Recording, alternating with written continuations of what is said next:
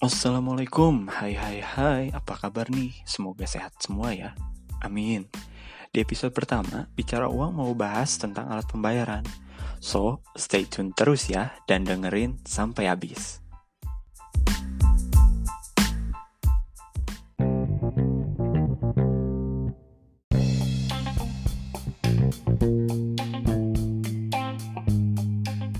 Oke, kita langsung aja ke pembahasan yang pertama, yaitu pengertian alat pembayaran.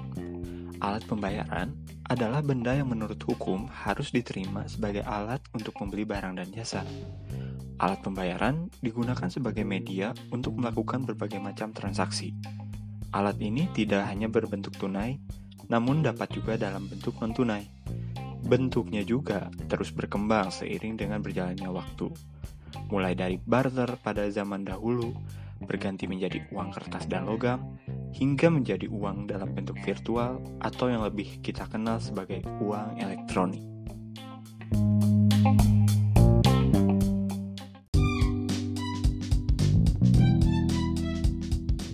Lalu yang selanjutnya ada jenis-jenis alat pembayaran. Jenis-jenis alat pembayaran ini terbagi ke dalam dua. Yang pertama, alat pembayaran tunai. Pembayaran tunai adalah pembayaran yang sudah lama sekali dilakukan oleh manusia setelah proses tukar-menukar atau yang biasa disebut barter itu sudah tidak digunakan kembali. Fungsi alat ini berguna sebagai transaksi proses jual beli maupun pembayaran jasa. Dalam pembayaran tunai itu menggunakan uang kartal yaitu uang kertas dan uang logam atau koin. Uang kartal masih memainkan peran penting, khususnya dalam transaksi yang bernilai kecil. Dalam masyarakat modern seperti ini, pemakaian alat pembayaran tunai seperti uang kartal memang cenderung lebih kecil dibanding uang giral. Seperti yang sudah disebutkan tadi, bahwa dalam pembayaran tunai dilakukan dengan menggunakan mata uang tunai. Untuk negara Indonesia sendiri, mata uang yang diciptakan oleh Bank Indonesia adalah rupiah. Untuk mata uang yang dikeluarkan selain oleh Bank Indonesia akan dianggap sebagai uang palsu, dan hal seperti inilah yang harus kita hindari. Untuk bisa meminimalisir penggandaan uang palsu, maka sudah banyak negara yang mengembangkan uang non-tunai sebagai alat transaksinya. Dan pemerintah Indonesia juga turut mendukung proses tersebut. Karena untuk penggandaan mata uang sendiri pada dasarnya memerlukan biaya yang lebih mahal daripada uang non-tunai.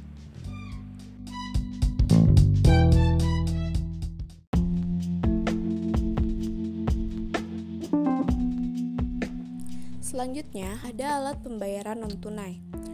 Menurut penjelasan Undang-Undang Nomor 23 Tahun 1999 tentang Bank Indonesia, alat pembayaran non-tunai merupakan pembayaran yang dilakukan tanpa menggunakan uang tunai yang beredar, melainkan menggunakan cek atau bilet giro dan alat pembayaran menggunakan kartu seperti ATM, kartu kredit, kartu debit, dan prabayar. Beberapa jenis alat transaksi non-tunai yang bisa digunakan. Yang pertama ada cek. Cek adalah suatu kertas yang bisa dijadikan bukti bahwa bank akan mencairkan sejumlah dana dari nasabah pada orang yang namanya sudah tertulis pada cek. Yang kedua, ada giro. Hampir sama dengan cek, namun bedanya giro bukan digunakan untuk mencairkan uang pada nama yang tertulis di atas kertas namun untuk memindahkan uang dari rekening nasabah lain pada rekening nasabah yang tertera di atas kertas. Nah, yang ketiga ada utang debit. Pembayaran utang debit dilakukan dengan melakukan utang terlebih dahulu pada suatu bank, lalu Anda akan menggunakannya. Nah, setiap kali Anda menggunakan uang tersebut, maka harus Anda tulis pada suatu kertas. Nantinya, kertas tersebut akan diproses oleh bank agar Anda bisa melunasi hutang tersebut. Yang keempat, ada kartu kredit. Kartu kredit adalah salah satu alat pembayaran non-tunai yang saat ini sangat terkenal karena hampir seluruh orang sudah menggunakan kartu yang satu ini agar kegiatan pembayarannya bisa berjalan dengan lancar. Proses pada dasarnya hampir sama dengan menggunakan utang debit.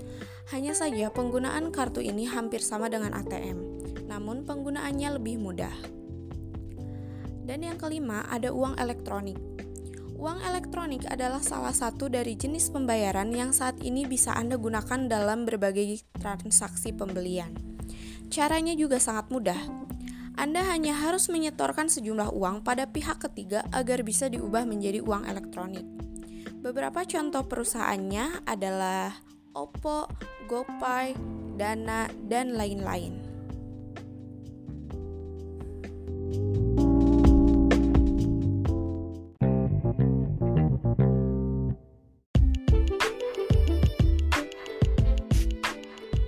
Segitu dulu dari bicara uang. Goodbye and see you.